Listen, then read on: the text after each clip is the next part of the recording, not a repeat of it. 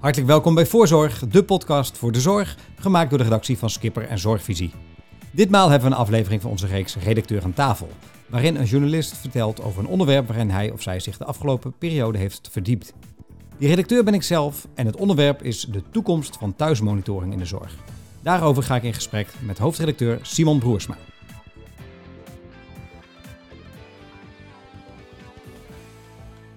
Dag Sietse. Dag Simon. Moeten we nou eigenlijk thuismonitoring zeggen of telemonitoring? Ja, die termen worden een beetje door elkaar heen gebruikt eigenlijk. Net als de een zegt uh, zorg op afstand, want vanuit een, een, ziekenhuis of zorgorganisatie gezien is het op afstand. En een ander spreekt liever van zorg dichtbij, want je organiseert het juist dichtbij voor de patiënt in zijn thuisomgeving. dus die wordt op afstand in de gaten gehouden met wearables, met online vragenlijsten of door zelf metingen uit te voeren en die door te geven aan het ziekenhuis. En op die manier buiten het ziekenhuis gehouden kan worden. Bijvoorbeeld chronische patiënten of uh, patiënten met uh, corona. Die hoeven dan pas naar het ziekenhuis te komen als het echt nodig is. Andersom kan het ook zijn dat er patiënten uh, na een opname eerder naar huis kunnen en dan tijdens hun herstel op die manier gemonitord worden. Dan speel je eigenlijk gewoon ja, ruimte in het ziekenhuis vrij. Tenminste, dat is, dat is daarvan de bedoeling. En ik denk ook dat het ook wel wat zegt trouwens hoor. Dat thuismonitoring en telemonitoring een beetje door elkaar gebruikt worden. Omdat uh, iedereen nog een beetje bezig is dat op zijn eigen manier uh, vorm te geven. En het nog een beetje puzzelen is van hoe moet dat er nou uh, uitzien. Voordat we verder gaan op het hele thuismonitoring, telemonitoring verhaal. Ik stel trouwens voor dat, we, dat wij gewoon thuismonitoring zeggen. Ja, dat, dat vind ik zelf. Dat vind ik ook wat sympathieker klinken eigenlijk. En bij telemonitoring denk je misschien ook al gauw aan Teletubbies of Teleromeo. Tenminste, ja. die associaties heb ik erbij. Het klinkt een beetje knullig, vind ik. aan de andere kant, um, de NZA maakt vanaf 1 januari uh, zelfstandige registratie en declaratie ervan mogelijk. En die spreken wel weer over telemonitoring. Dus ja, dat is dan, misschien wordt dat dan toch wel een beetje de officiële term. Voor nu nog even thuismonitoring. Dat is goed. En het kan nog veranderen. Je zegt thuismonitoring kan heel veel uh, banen besparen. Niet dat die banen wegvallen, want we hebben ze zo super hard nodig voor andere zaken. Maar hoe kan je dat onderbouwen? Nou, daar zijn wel verschillende berekeningen voor. Uh, het is niet nieuw natuurlijk. Het is eigenlijk al in, in tien jaar in opkomst. Maar je ziet wel dat het tijdens die uh, corona-periode, en zeker toen het echt uh, zwaar en penibel werd, zich heel heeft bewezen. Dus uh, verschillende organisaties hebben later ook wel kunnen berekenen ja, hoeveel capaciteit ze daardoor extra hadden. En ja, die hadden ze ook, ook echt nodig. Dus dat heeft misschien wel het verschil gemaakt tussen echt code zwart en, en dat niet. Um, er zijn bovendien ook wel uh, voorbeelden in het buitenland, bijvoorbeeld de Mercy uh, in de Verenigde Staten, die dat op heel erg efficiënte manier invullen. Dus er zijn allemaal cijfers van die laten zien van ja, het kan gewoon echt uh, besparen. En dan bespaart het inderdaad vooral personeel, want daar zit de, de grote krapte. Maar ja. het, kan ook, het kan ook geld besparen.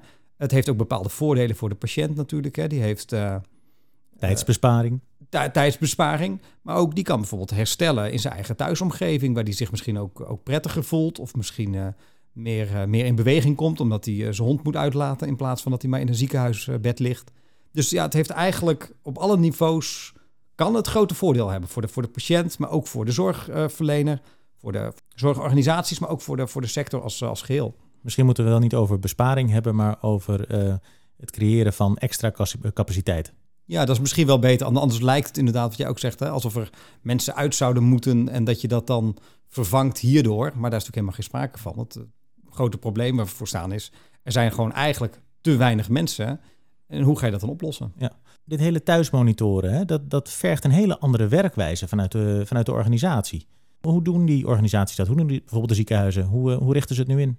Nou ja, de meeste die er echt al, al koploper mee zijn, die hebben een, een, een centrum daarvoor uh, opgericht waar, waar ze de, de uh, IT, uh, ICT-infrastructuur hebben neergelegd, waarin ze mensen getraind hebben die uh, daarop gespecialiseerd zijn. Die moeten natuurlijk ook het goed kunnen uitleggen aan de patiënten. Die moet je daarin in mee kunnen nemen. Dus die hebben dat al, al heel behoorlijk ingericht. Alleen het probleem is een beetje dat het heel lastig is om het als ziekenhuis zelf te doen. Zeker als je, en dat gebeurt eigenlijk nog niet echt, het echt goed wil doen, dan moet je dag en nacht daar iemand ook opzetten. Ja, en, en, daarvoor is eigenlijk een organisatie als een ziekenhuis nog een te kleine organisatie om dit goed in te kunnen regelen. Ja, eigenlijk het, het toverwoord eh, in dit geval is schaal. Je moet genoeg schaalgrootte hebben voordat het uit kan. Dat bleek ook onder meer uit een onderzoek dat uh, eerder dit jaar verscheen van Wim Harten, Die, is, hij is zelf zorgbestuurder hè, bij, bij Rijnstaat, maar ook onderzoeker bij Universiteit Twente. En dat liet ook zien van op het niveau van één ziekenhuis heeft het eigenlijk ja, niet zoveel zin, zou ik niet meteen willen zeggen, maar kan het eigenlijk gewoon niet uit. Dus je moet samenwerken en je moet daar verbanden, uh, samenwerkingsverbanden mee gaan opzoeken. Maar dat is nog een, ja, nog een heel gepuzzel natuurlijk. Zie jij al wat van die ontwikkelingen in het ziekenhuislandschap? Ja, zeker. Daar is eigenlijk iedereen is daar nu op aan het puzzelen. Dus je ziet dat de zeven Santion ziekenhuizen, die hebben de krachten gebundeld. Dus die hebben besloten van wij gaan dit samen op touw zetten. We gaan de ziekenhuizen die al zo'n centrum hebben opgezet, gaan die delen met andere ziekenhuizen. En we gaan samen programma's ontwikkelen. We gaan de, de protocollen op elkaar afstemmen, zodat die gelijk zijn. En dat is natuurlijk heel erg mooi, want dat is al een gro grote stap. Aan de andere kant zitten die zeven ziekenhuizen, letterlijk volgens mij van Groningen tot, tot aan Limburg en van, van, van Noord-Holland tot aan Twente, door het land verspreid. En je wilt ook dat het regionaal iets gaat worden. Ja, waarom zou je dat per se in de regio willen hebben? Omdat je ook huisartsen wilt, uh, wilt meenemen hierin. Het gaat natuurlijk niet alleen om de ziekenhuizen zelf. Die staan het dichtst bij de patiënt. Dus die wil je daar ook bij betrekken. Dus dat zou je wel moeten doen. Maar ook bij verpleeghuizen. Ik was niet zo lang geleden ehm, op een evenement van Lucie. Dat is een, een bedrijf dat heel veel programma's en software ontwikkelt. dat hiervoor gebruikt kan worden. Waar ook veel ziekenhuizen gebruik van maken. daar was ook iemand van de NHS, de, de Engelse gezondheids dienst, zal ik maar zeggen. En zij wees er ook op dat zij ook heel veel winst halen door juist met verpleeghuizen samen te werken. Daar zitten ook een hoop, hoop oudere mensen. Als je die allemaal, als het nodig is, op afstand kunt monitoren, dat heeft dan gewoon onderaan de streep enorm veel ambulanceritten bespaard, ziekenhuisopnames bespaard. Het, het is een prettig gevoel voor de patiënt, of eigenlijk de, de cliënt moet ik natuurlijk zeggen, die daar zit en zijn familie, maar ook voor de zorgverleners. Als die twijfelen van is er iets aan de hand, dan kunnen ze even contact opnemen, uh, even de, de onderliggende data bekijken, even, even, advies vragen. En dan kun je heel veel uh, onnodige onrust kun je, kun je wegnemen. Ja, dus eigenlijk heb je een extra paar ogen, waardoor een uh, patiënt alleen maar, of een cliënt, alleen maar op het moment dat het ook echt nodig is, in die medisch specialistische zorg terechtkomt. Ja, precies. En dat kun je natuurlijk niet als ziekenhuis zelf organiseren. Dat moet je, dat moet je samen doen.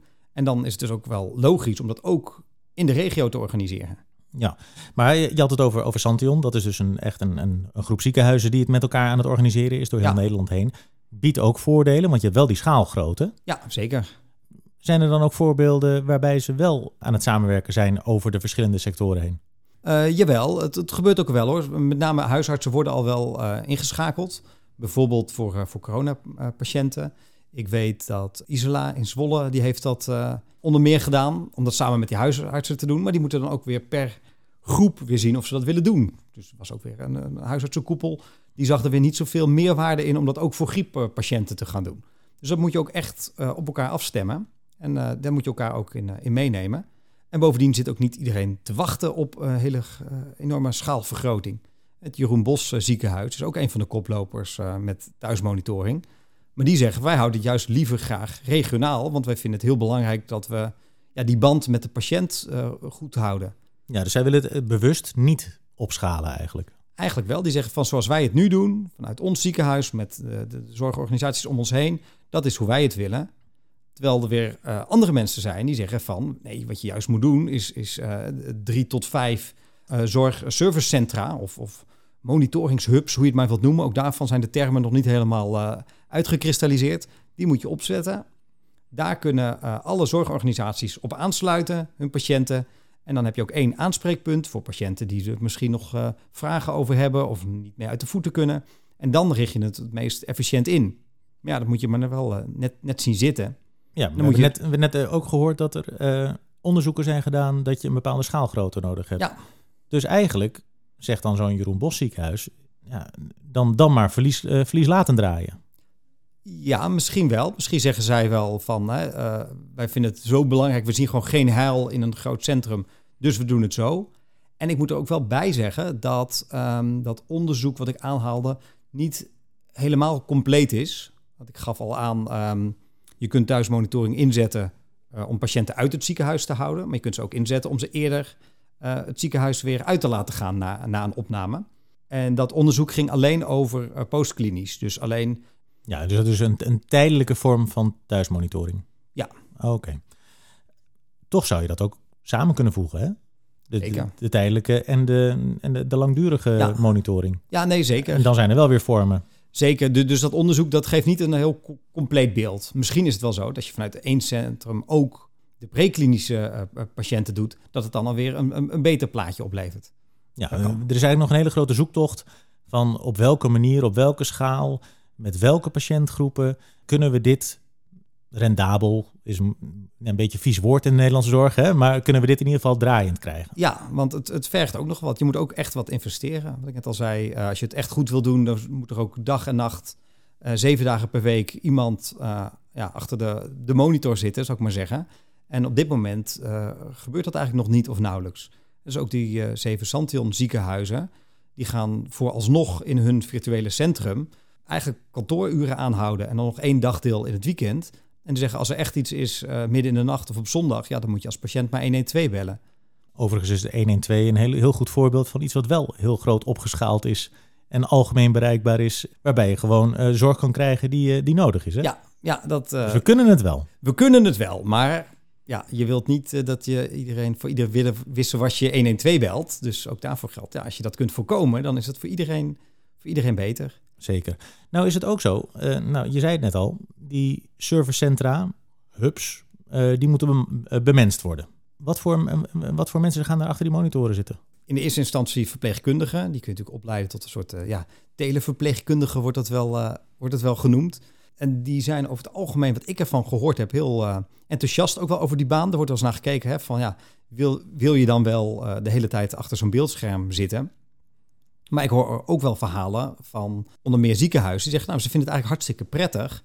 Want eh, ze hebben echt aandacht voor de patiënt. Ze worden niet weggeroepen omdat er ergens anders iets, eh, iets aan de hand is... waardoor ze worden afgeleid. Dus ze kunnen echt die aandacht eh, erop richten. En het heeft voor henzelf ook wel voordelen. Want het is fysiek minder belastend. Dus er wordt ook wel gesuggereerd van... nou, dat is juist misschien voor oudere, ervaren verpleegkundigen heel prettig... om niet meer die fysieke belasting te hebben... maar wel hun ervaring en expertise in te kunnen zetten... Maar ik hoor ook wel uit ziekenhuizen dat bijvoorbeeld verpleegkundigen met jonge kinderen het heel prettig vinden. Zodat ze ja, niet en thuis heel actief druk in touw zijn. En op hun werk ook nog eens eh, van hot naar her hoeven te rennen. Aan de andere kant, je hebt eh, dan hele, hele afgebakende eh, tijdstippen, maar wel ook diensten die je 24/7 doorgaan. Ja. Dus dat is de andere kant van het verhaal. Dat is de andere kant, maar op dit moment gebeurt dat nog niet zo. Uh, ik denk dat dat in de toekomst dus wel gaat gebeuren. Dat zul je ook uit moeten zoeken met elkaar. Er komt ook nog bij dat er wordt ook wel eens gesuggereerd van het is juist prettig als je als verpleegkundige dat kunt afwisselen. Dus dat je en uh, ja, op, op de vloer bent, zou ik maar zeggen, uh, op de afdeling, en af en toe achter het beeldscherm zit. Maar wat ik tot nu toe hoor, is dat dat over het algemeen nog niet echt gebeurt. Want je bent al lang blij dat er genoeg mensen zijn op beide posities. Laat staan dat je iedereen dubbel moet inzetten. En dat is qua roosteren en qua uh, inwerken weer, uh, weer lastig. Maar op termijn zou dat zeker, zeker kunnen. Het biedt ontzettend veel voordelen. Ik heb ook het uh, verhaal gehoord van het ziekenhuis... waarvan ik heb beloofd ook de naam niet zal noemen... voordat het een eigen leven gaat leiden. Maar die heeft toen, ja, toen ze krap zaten... een verpleegkundige bereid gevonden om vanaf het vakantieadres in Zuid-Frankrijk... in te loggen en een dienst over te nemen. Dus dat, dat biedt wel heel veel mogelijkheden eigenlijk aan de ene kant duidelijkheid over je, je rooster, maar ook flexibele inzet. Het maakt helemaal niet meer uit waar je zit natuurlijk. Nou, in principe niet. Dus ja, misschien komt wel iemand met een heel goed concept om die nachtdienst uh, in te vullen vanuit een land waarmee we zo'n tijdsverschil hebben dat het daar overdag is. Je zult natuurlijk al een taalbarrière moeten uh, overwinnen, maar uh, ja, misschien is daar wel iets, iets slims of iets handigs voor te verzinnen. Nou hebben we het nog niet eigenlijk gehad over de komende periode. Dus we hebben het allemaal over hoe het nu gedaan ja. wordt. Uh, allemaal goede initiatieven. Uh, duizend bloemen bloeien zou ik het bijna willen noemen. Hoe gaat dit zich nou de komende jaren ontwikkelen, denk je? Dat is heel moeilijk te voorspellen. Feit is dat er heel veel gebeurt op dit gebied. Omdat, uh, nou ja, je had al een aantal koplopers, maar nu heeft de rest eigenlijk ook gezien van ja, dit gaat ons echt veel opleveren. Je ziet al wat clubjes ontstaan. Je ziet al een beetje mensen die hun eigen pad gaan kiezen. sommige mensen zoeken elkaar ook wat op. Het Sint-Jansdal ziekenhuis in Harderwijk die gaat samenwerken met Isela in Zwolle. Want Zwolle heeft al een uh, connected care centrum. En dat gaat het eigenlijk als een soort uh, dienstverlening verhuren aan uh, Sint-Jansdal. Ja, daar is ook al een soort samenwerking gaande. En ja, hoe dat er dan uiteindelijk over vijf of tien jaar uit gaat zien, dat is echt koffiedik kijken. Afhankelijk ook van of iemand echt met de vuist op tafel gaat slaan en gaat zeggen: jongens, om de boel te redden, moeten we dit doen. Dus nu even niet meer alle kikkers die uit de kruiwagen springen en hun eigen kant op gaan.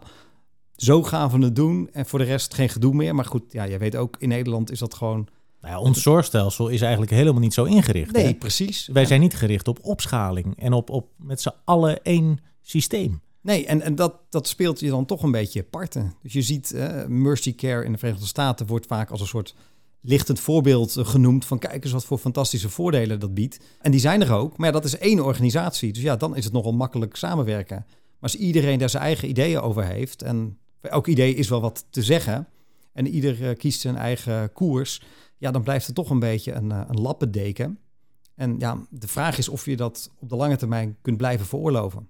Zouden we van die nationale coördinatiecentra moeten komen, zoals we die ook hebben gehad in de, in de coronatijd, dat we centraal alles gingen leiden?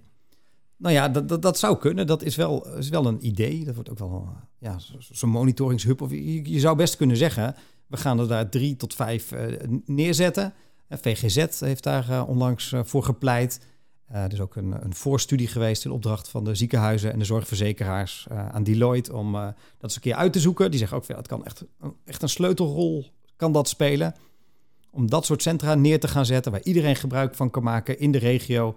Dan heb je het eigenlijk gewoon geregeld. Maar ja, dan, dan moet je dat wel allemaal willen. En als er nog een, een paar neuzen niet dezelfde kant op staan, dan is dat heel lastig voor elkaar te krijgen. En ik zie dat op de korte termijn eerlijk gezegd niet gebeuren. Dus wat gaat er nu de komende periode wel gebeuren? Wat, is, wat, wat denk jij dat, dat, waar we naartoe gaan? Ja, ik, ik denk dat er weer een soort uh, pragmatische oplossing gevonden gaat worden. Wat er toch weer een lappendeken wordt. En uh, de, de, de, strategische partners elkaar uh, opzoeken.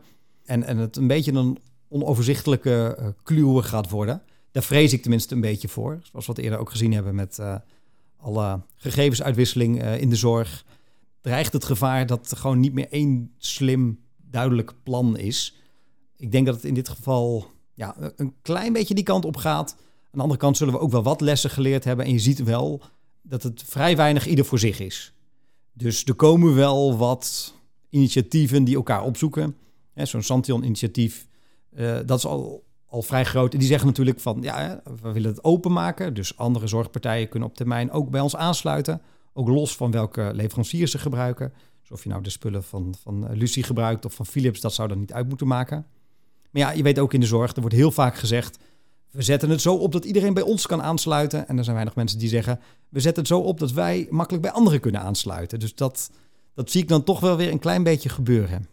Ja, nou ja, hopelijk luisteren al deze mensen ook naar deze podcast. En uh, zien uh, of horen ze ook de waarschuwing uh, die uit jouw stem doorklinkt. Jawel, maar daar hebben ze mij niet voor nodig. Dat weten ze zelf natuurlijk ook wel. Maar om buiten je eigen belang en je eigen visie en je eigen organisatie te kijken en dat echt te doen en te denken van oké, ik heb er een eigen mening over, maar die parkeer ik nu even en ik ga toch even mee in wat een hoop anderen zeggen en doen. Dat is in de praktijk gewoon heel erg moeilijk. Het gaat toch weer om mensen, hè? Ja, het is net, net mensenwerk, ja. En ik snap het ook wel, hoor. Als jij echt gelooft van... het, het is niks, zo'n groot centrum... waarvanuit uh, het gecoördineerd wordt... en waar ik mijn patiënten naartoe moet sturen... ja, dan ga je dat niet doen, want je voelt je er ook verantwoordelijk voor. Als je daar gewoon niet het geloof in hebt... ja, kan ik me best voorstellen dat je zegt... wij gaan dat niet zo doen, want wij geloven in een andere aanpak. Dankjewel, Sietse. Nou, heel graag gedaan. En dan ga ik nu afkondigen. Tot zover deze aflevering van Voorzorg. U kunt zich abonneren via de podcast-app van uw keuze en dan blijft u automatisch op de hoogte van nieuwe afleveringen. Het laatste nieuws over de zorg vindt u dagelijks op skipper.nl en interviews en achtergronden op zorgvisie.nl. Voor nu, hartelijk dank voor het luisteren en heel graag tot de volgende Voorzorg.